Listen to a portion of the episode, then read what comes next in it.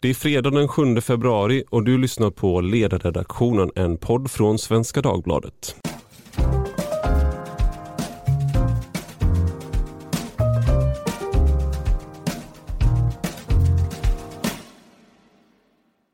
Jag heter Ivar Arpi och idag ska vi prata om Liberalernas kris.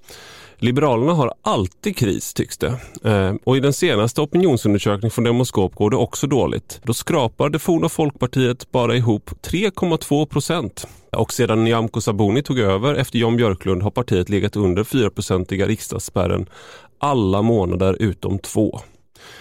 Och med mig för att prata om allt det här har jag Matilda Molander som är politisk redaktör på oberoende liberala Västmanlands läns tidning och chefredaktör på Liberal Debatt. Stämmer bra det. Och idag så satt du och läste nationalekonomi också. Det stämmer bra det. Jag är tjänstledig för studier den här terminen. Ja, så du kommer lära dig hur ekonomi faktiskt fungerar till skillnad från oss andra ledarskribenter. Exakt, så jag kommer ja. tillbaka efter sommaren. Då okay, kan jag ja. ha riktiga svar.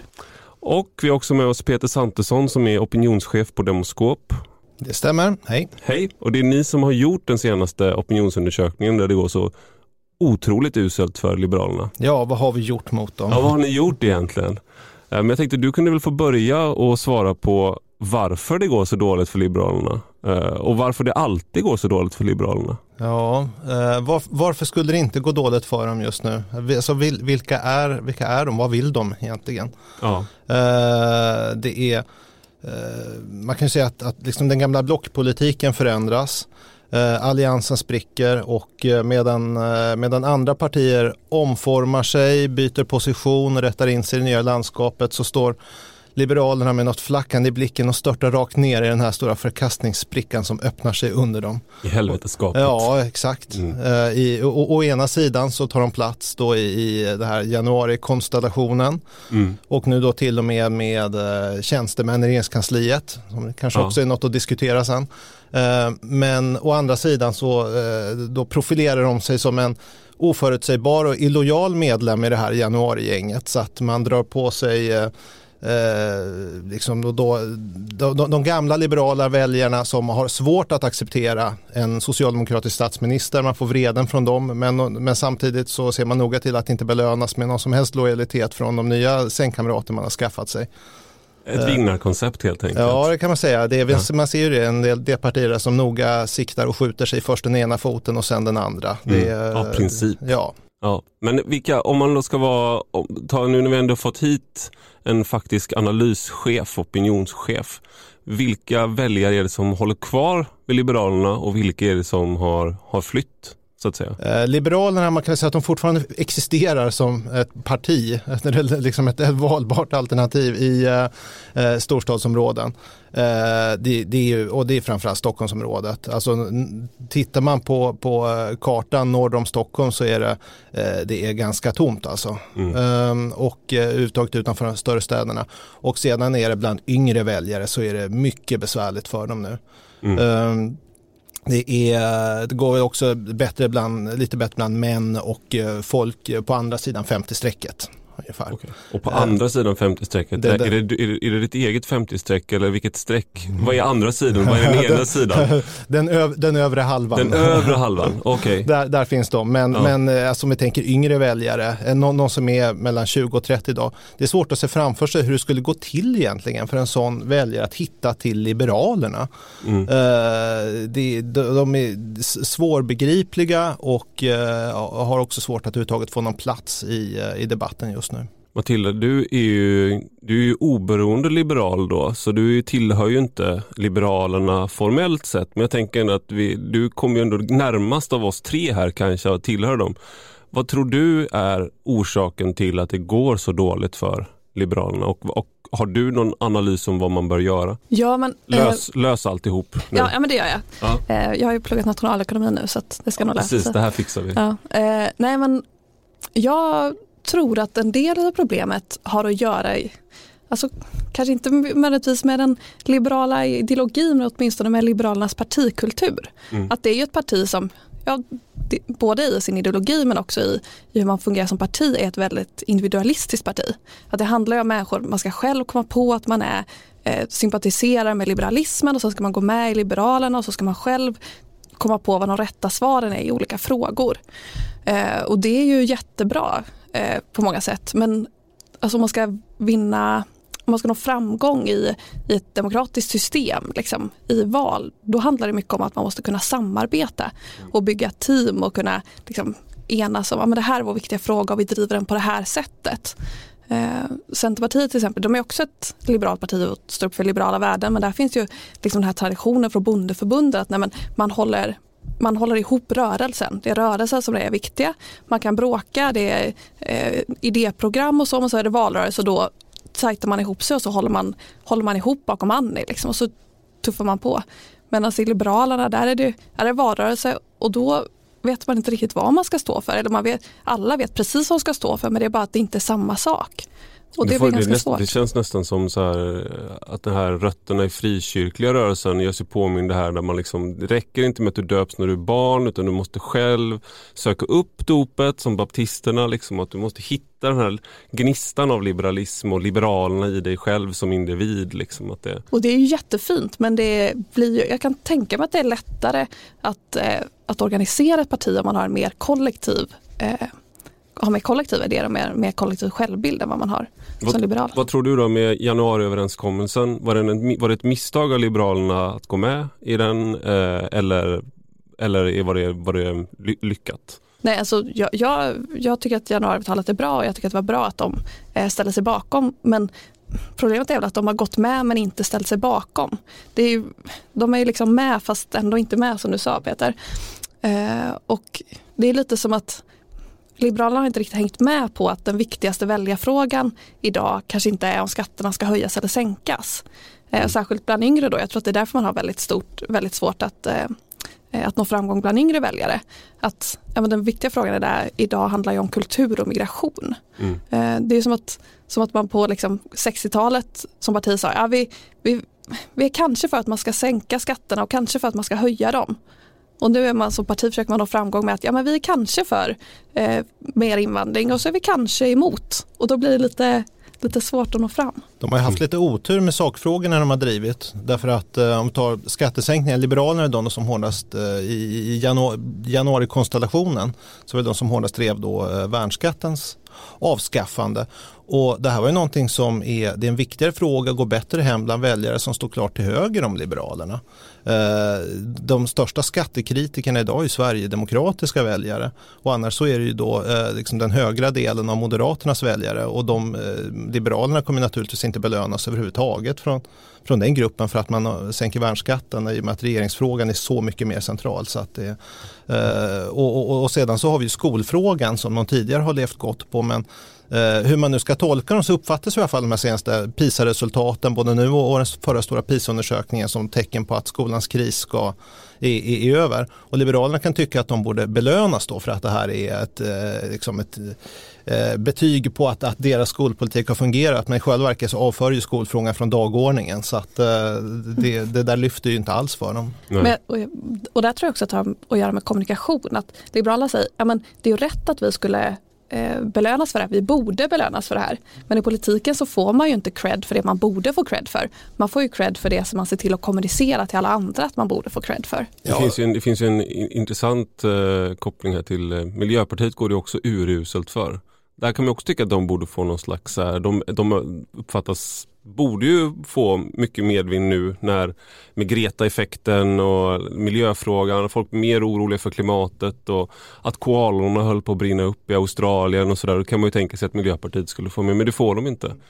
De belönas inte fast, fast Greta får träffa, Arnold, cykla med Arnold Schwarzenegger och sådär. Mm, nej, det, det är eh, politik har inte, eller opinionsvindarna har inte mycket med rättvisa att göra utan det är, det är mycket annat som, eh, som är med och stör där.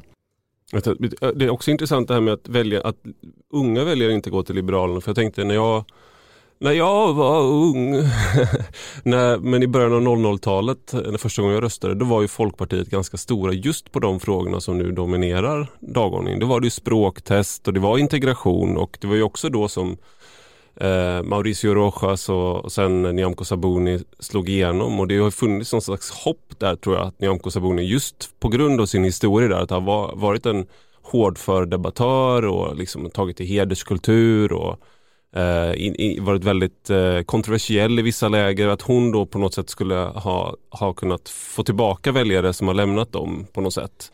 Men hon har ju inte alls, eh, hon var väldigt färgstark eh, person innan hon blev partiledare men nu är hon ju, har hon ju blivit en, verkligen blivit Liberalernas parti ledare eh, för att vara lite elak och blivit väldigt färglös. Ja, jag tycker nästan att eh, alltså man har kraftigt överskattat värdet av, av det arvet och inte ens sett hur daterat det där är.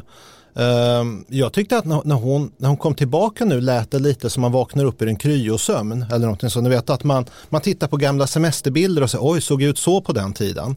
Ehm, och så hör man Nyamko Sabuni nu och så hör man liksom ett eko av en svensk samhällsdebatt från 2006.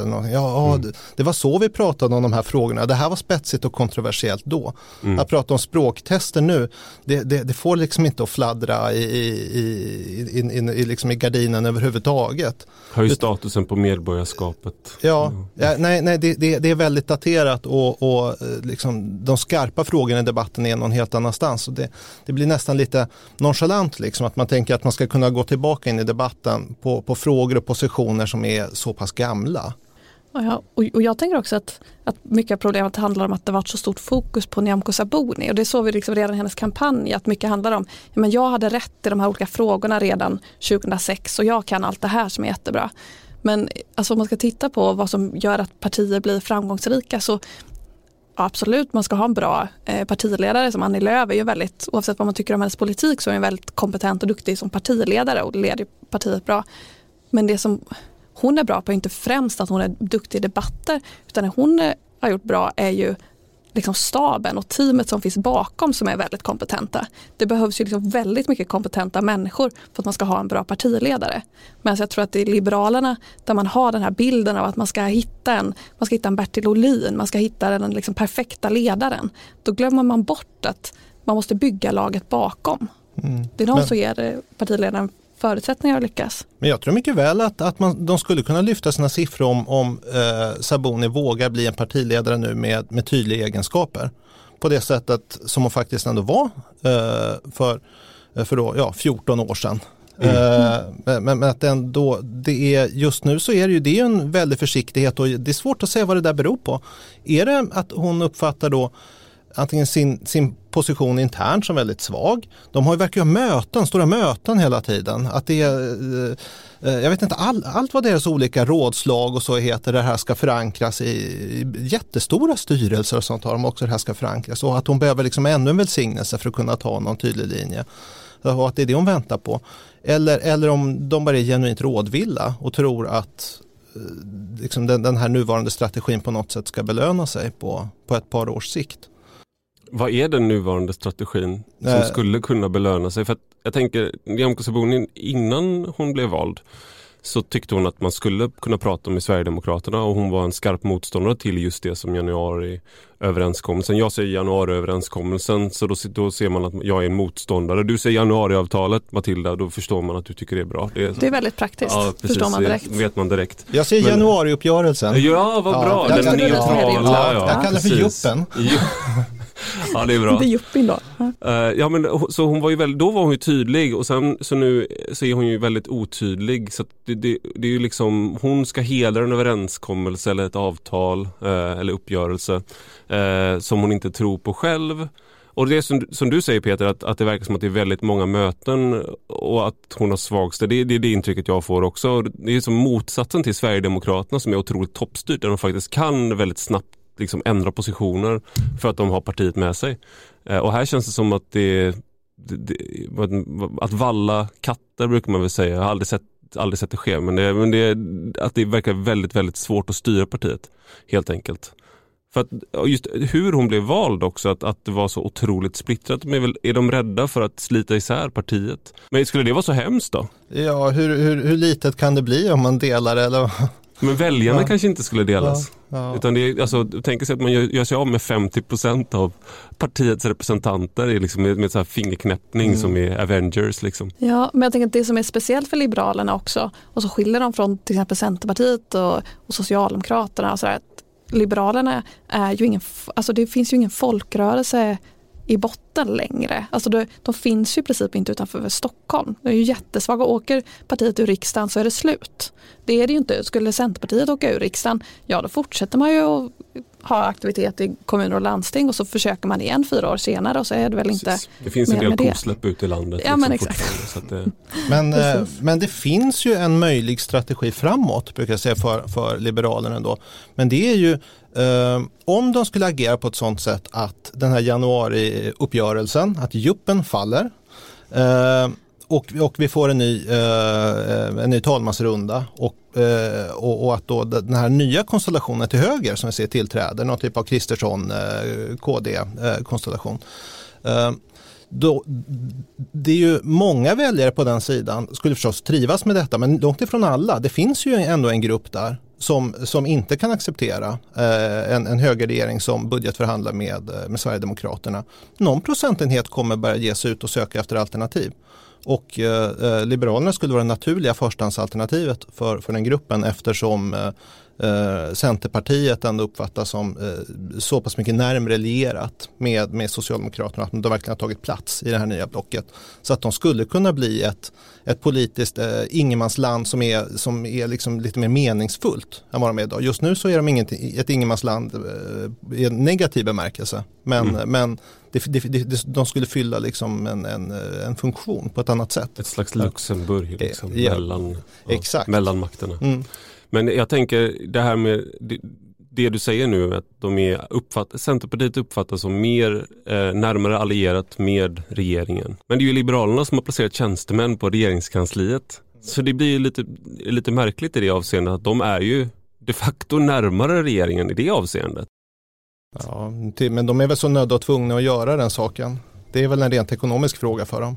Mm. Ja, det är nog den rimliga analysen av det. Men Centerpartiet, hur, för det, det, är ändå lite ironiskt, Folkpartiet döpte om sig själva till Liberalerna och förlorade liberalismen till Centerpartiet som är ett bondeparti från början, det gamla bondeförbundet. Det är någon så här, har Centerpartiet nu fått då, skulle man säga att de har eh, patent på liberalismen eh, i Sverige? Eller finns det fortfarande liksom människor som är liberaler som tycker att Liberalerna är det liberala partiet? Ja det skulle jag nog definitivt säga att det finns. Är du en av dem 3,2 procent. 3,2 procent. 3,2 procent. Ja, ja. 3,2 procent ska man inte glömma. Plus en promille i februari så att eh, det pekar Just, uppåt. Det pekar ja. uppåt ja. Och så får man väl inte glömma att det finns ju liberala inslag i Moderaterna också. Ja, hur ser det ut med det Peter? Är det, hur har alla, alla liberaler lämnat Moderaterna för Centerpartiet och Liberalerna? Nej då, det finns, det finns kvar en skara men eh, det är ju en tydlig uppåttrend på andelen konservativa.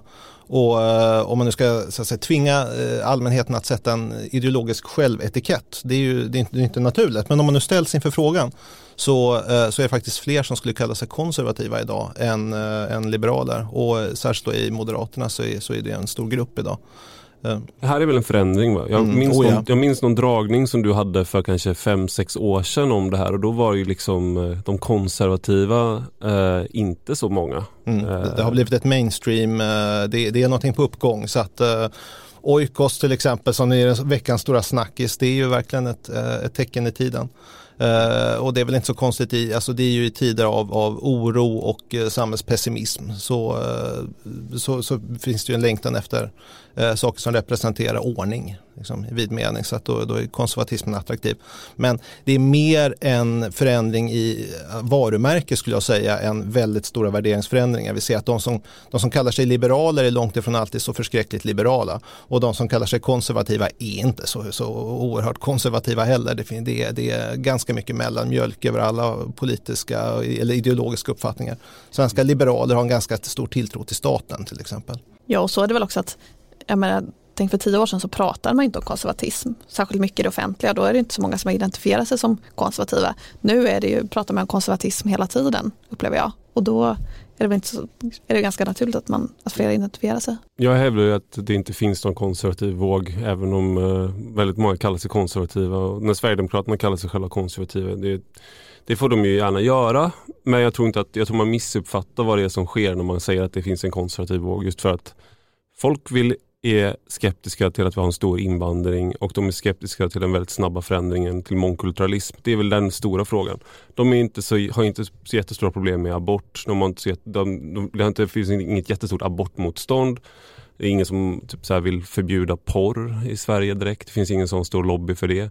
Eh, alltså, många av de här profilfrågor för konservativa i andra länder finns liksom väldigt lite resonansbotten för i Sverige. Ja. Och det, äh, förlåt. Nej, men, och det ser man, där ser man också att något som man pratar ganska lite om tycker jag är att Sverigedemokraterna har ju också förflyttat sig ganska mycket i de frågor som inte är deras kärnfrågor. Om man tänker i aborten och i EU-motståndet till exempel, där har de ju i princip bytt, eh, bytt politi, politisk ståndpunkt.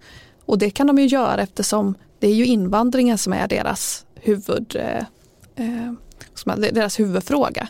Och, och det är väl på samma sätt som man kan se att att ja, som Socialdemokraterna och Moderaterna till exempel, att de har vridit sig eh, i invandringsfrågan och i stort sett alla de övriga partierna har, har förflyttat sig i invandringsfrågan. För för de övriga partierna är inte invandringsfrågan den, den huvudsakliga frågan. Då handlar det om klass eller handlar om företagande eller någonting annat. Mm. Mm. Uh, nej men alltså, värdekonservativ våg, det har vi ju inte. Uh, och, och det, det, ser vi ta den här, det stora debaclet det blev, blev kring abort och, eh, som drabbade Kristdemokraterna efter eh, EU-valet. Eh, så att, så att liksom, värdekonservativa frågor, det är fortfarande signalfrågor som man ska hålla sig borta från om man har någon självbevarelsedrift. Eh, men däremot så finns ju en eh, det finns ett, som jag sa innan, det finns ett sug efter ordning i någon slags vid mening. När, eh, lag och ordning ligger eh, överst på väljarnas dagordning och då tänker man att, att ofta så uppfattar vi ordet som är betoning på lag snarare än ordning, att det bara skulle handla om brott. Men eh, jag skulle säga att, att det här det snarare är betoningen på ordning. Att det är, eh, ta till exempel att eh, det pratas så gärna om förstatligande hela tiden, återförstatligande. Det, det är patentlösningen på område efter område. Postord eh, ja, ja, ja, visst det. Ja, men sko, skolan, det var i alla fall en ja, riktig post. Ja. Om, en, om en skola är riktigt dålig så, så, så måste man för, förstatliga den. Då är det som att sätta in liksom bredspektrum antibiotika. Vi har ingen starkare medicin mot oordning än staten. Det, mm. det är, då vet vi att det blir ordning. Och eh, varje tid har ju sin patentlösning. Och eh, för, för, liksom på, på 90-talet, början av 00-talet så var eh, de flesta samhällsproblem tyckte man berodde på att det var för mycket stat och för mycket reglering. Om vi bara klipper bort lite red tape här så, så kommer det bli en spontan ordning mm. istället. Släppa fram, staten ska hålla sig borta så blir det bra. Nu är det precis tvärtom.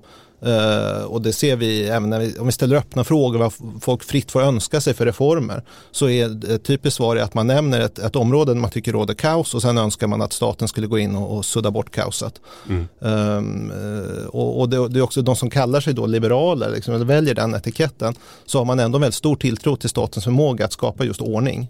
Jag tänker på Jan Björklund också måste man väl ändå säga haft en profil som har varit väldigt betonad på just ordning. Mm. Major eh, i Försvarsmakten men sen också det här med liksom, ja, men det, kateder undervisning som folk eh, lite nedsättande kallade mm. hans mm. eh, förslag. Mm. Men det handlade ju väldigt mycket om att få ordning och reda i skolan, ordning och reda i pedagogiken. Och mm. Man skulle ha liksom rejäla lärarlegitimationer så rätt personer på rätt plats. Det ska inte vara någon, eh, inget High Chaparral i mm. liksom, anställningen och sådär. Mm. Och är inte det en försutten chans lite där för dem att i den här tiden nu när vi får ett allt stökigare samhälle vid mening och Liberalerna tidigare uppfattats som ett katederparti och ordning och reda. Eh, partiledaren omtalas som en major. Varför blir de inte ordningspartiet? Eh, det, eh, istället var det Moderaterna som blev då liksom det stora lag och ordningspartiet. Men det där är en roll som jag tror skulle passa Liberalerna egentligen ganska bra. Mm. Vad, vad, säger du Matilda, skulle, tycker du att eh, de ska döpa om sig till ordningspartiet istället? Då kan, du bli o, kan Västmanlands läns tidning bli oberoende ordning kanske? Ni Absolut. Kan stå för. Sen ja. är vi ju inte det oberoende eh, liberal i, i bemärkelsen eh, ideologin. Ordningism. Ja, man kan säga det. Ordningismen. Ja, liberal ordning. Jätte... Liberal ordning. Ja, liberal ordning. Mm. Eh, för den som har sett mitt skrivbord så är det ganska uppenbart att ordningspartiet inte skulle passa väl så jättebra.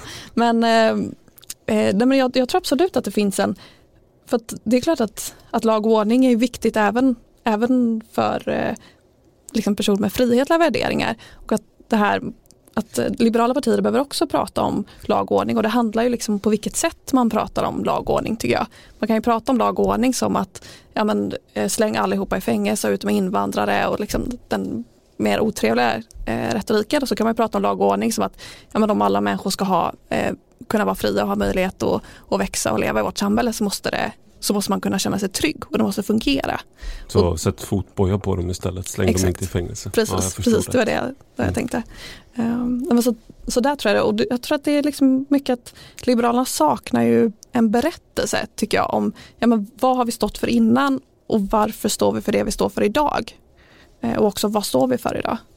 Eh, så jag, jag, tror att alltså det finns inte, man kan ju som parti ha väldigt konstiga och, och liksom, eller till synes eh, märkliga ståndpunkter som står emot varandra. Men om man har en berättelse som får dem att hänga ihop så, eh, så kan man komma långt i alla fall. Men Centerpartiet är ju storstads och bondepartiet. För ja, vad är det? Den berättelsen är svår att få ihop. Ja men för tio år sedan så gick det inte att få ihop heller och då tänkte man, men finns det någon eh, framtid för det här partiet? Vad var de ner på? 2,7-2,8 procent i opinionen. Mm. Men så hittade man ju en berättelse. Då var det det här med närodlad politik som gjorde att man fann någonting, ja men här kan vi nu kan vi börja prata om det vi håller på med på ett annat sätt som kan ena partiet och där de runt omkring oss förstår vad vi gör och det, det verkar logiskt. Mm. Varför man ska bry sig både om liksom Södermalmshipsten och bonden. Vad tror du? Tror du att det finns en, eh, går det att lösa det här med en ny berättelse Peter? Du har väl varit ganska skeptisk till den sortens uh, mm. rebranding? Ja, det har jag kanske. Jag vet inte, man säger så mycket. Ja, visst gör man.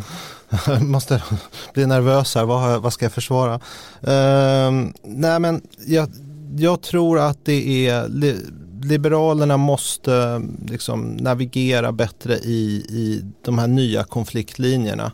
Uh, och det, alltså berättelse, det, det, är så fundamentala saker som vilket lag hör ni till? Uh, alltså, vem, vem vill ni se som statsminister och varför?